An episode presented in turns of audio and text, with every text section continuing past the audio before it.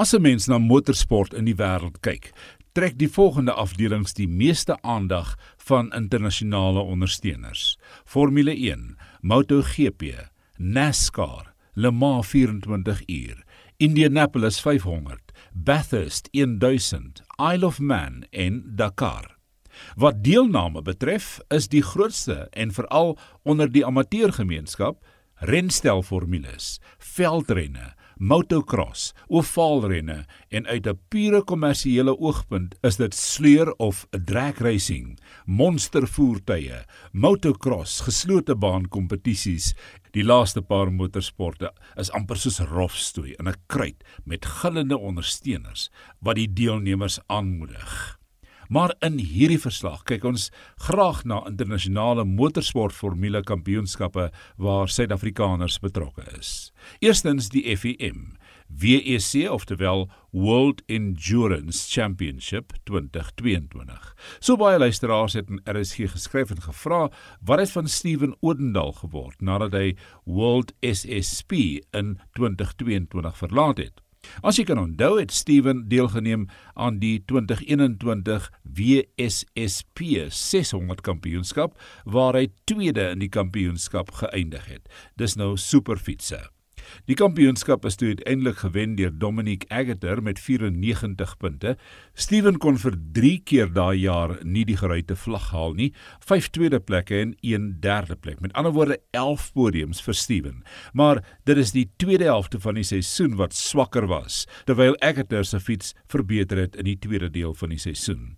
Odendaal het toe aangekondig dat hy Superbikes gaan verlaat met nog geen toekomsplanne aan die einde van die jaar nie. Wel, Ons het toe verneem hy het in 2022 aangesluit by WEC, dis die FIM World Endurance Championship of die wêreld uithou kampioenskap. Klassieke uithou wedrenne oor lang ure wat nog begin soos die klassieke Le Mans, Monaco of Isle of Man, waar die renjaars in die begin eers oor die wegspring rooster moet hardloop tot by hulle motorfietsse opspring en dan wegspring. Steven het by Yamaha gebly en aangesluit by Wheeltas Racing Eagle saam met spanmaats die Duitser Florian Alt en Fransman Erwan Nigon. Hulle span het derde in die kampioenskap geëindig, maar Yamaha het die vervaardigerstitel in die FIM en WEC gewen en hulle span het tweede geëindig in die onafhanklike span inskrywings. Die kampioenskap bestaan uit die 24 Ures Motos 2022, 24 uur van Spa EWC Motos 22, Suzuka 8 ure 2022 en die 100ste Boldior 2022 24 uur. So Steven Odendaal het weer eens 'n baie suksesvolle 2022 beleef en het die Suid-Afrikaanse vlag laat wapper in plekke waar ander nie sal wag nie. Geluk aan die Odendaal familie van Johannesburg. En laastens uh, die van der Linde broers, Kelvin en Sheldon van der Linde, die neefs van Etienne van der Linde. Etienne is die Formule Opel Europe en Formule Opel Germany kampioen van 1998. Formule V kampioenskap van Suid-Afrika in 1994 en Formule GTI kampioen van Suid-Afrika in 1995. Hulle pa is Shaun van der Linde, touring car kampioen van Suid-Afrika in 1994 en Formule GTI kampioen van Suid-Afrika in 1995. So die gene loop dik in die van der Linde broers wat Europa aan die brand ry. Met die hoogtepunt van jaar, die 2022 DTM kampioen is Sheldon van der Linde vir Schuber Motorsport BMW En Kelvin eindig die jaar in die 9de plek vir span ABT Sportsline Audi. Beide broers neem deel in verskeie kompetisies en vanjaar het Sheldon deelgeneem aan die DTM en IMSA Sportmotor Kampioenskap. IMSA staan vir Internasionale Motorsportvereniging van Noord-Amerika. Kelvin het deelgeneem aan die DTM GT World Challenge Europe Endurance Cup en die internasionale GT uitdag waarvan die Kyalami 9 ure deel is. Met hierdie prestasie het die van der Linde broers hulle name gekerf in die Europese motorsportgeskiedenis en hoort ons nog baie van hulle te hoor met vele titels wat om die hoek sit en wag vir Kelvin en Sheldon van der Linde. Die genetika van motorsportkultuur van Suid-Afrika is duidelik te bespeur as jy nog moontlik getwyfel het daaraan.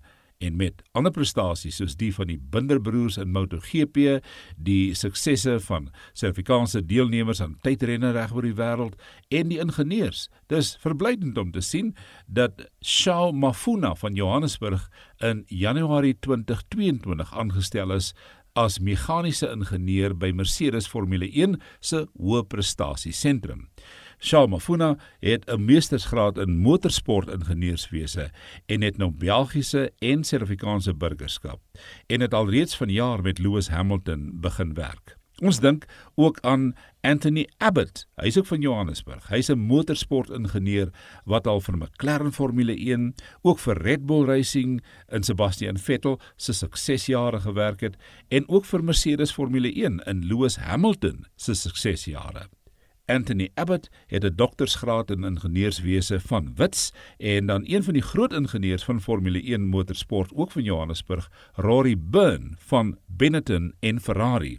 En as jy daai twee spanne se name hoor, dink jy onmiddellik aan Michael Schumacher. Dis toe Michael Schumacher die suksesvolle Benetton verlaat het en by Ferrari aansluit is Rory Byrne deur Ferrari genader en hy het al mees suksesvolle motor ontwerp en gebou vir Michael Schumacher waarmee hy 7 kampioenskappe gewen het.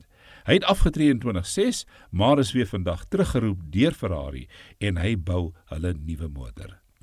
Iets wat ook my aandag opgeval het, is die ontwikkeling van oopwiel sportmotors deur Nash Motorsport Engineering. Hulle is hier van North Riding in Johannesburg. Die Nash MVW3. Dis 'n kar. Is 'n oopwiel twee sitplek klassieke renmotor. Hy het 'n dakkie, dit's oop dak. Toegerus met 'n 8 liter silinder Volkswagen engine, gereed om deel te neem aan verskeie kategorieë van plaaslike motorsport. Jy koop hom teen 'n prys van 297 000. Is dit nie 'n wonderlike ontwikkeling vir motorsport in Suid-Afrika nie? Dat jy 'n volwaardige renmotor kan koop vir minder as 300 000 rand. Ek dink dis fantasties. Dit was 'n kykie na Suid-Afrikaanse deelname en ontwikkeling in motorsport. Fritz Klaaste vir RSG Sport.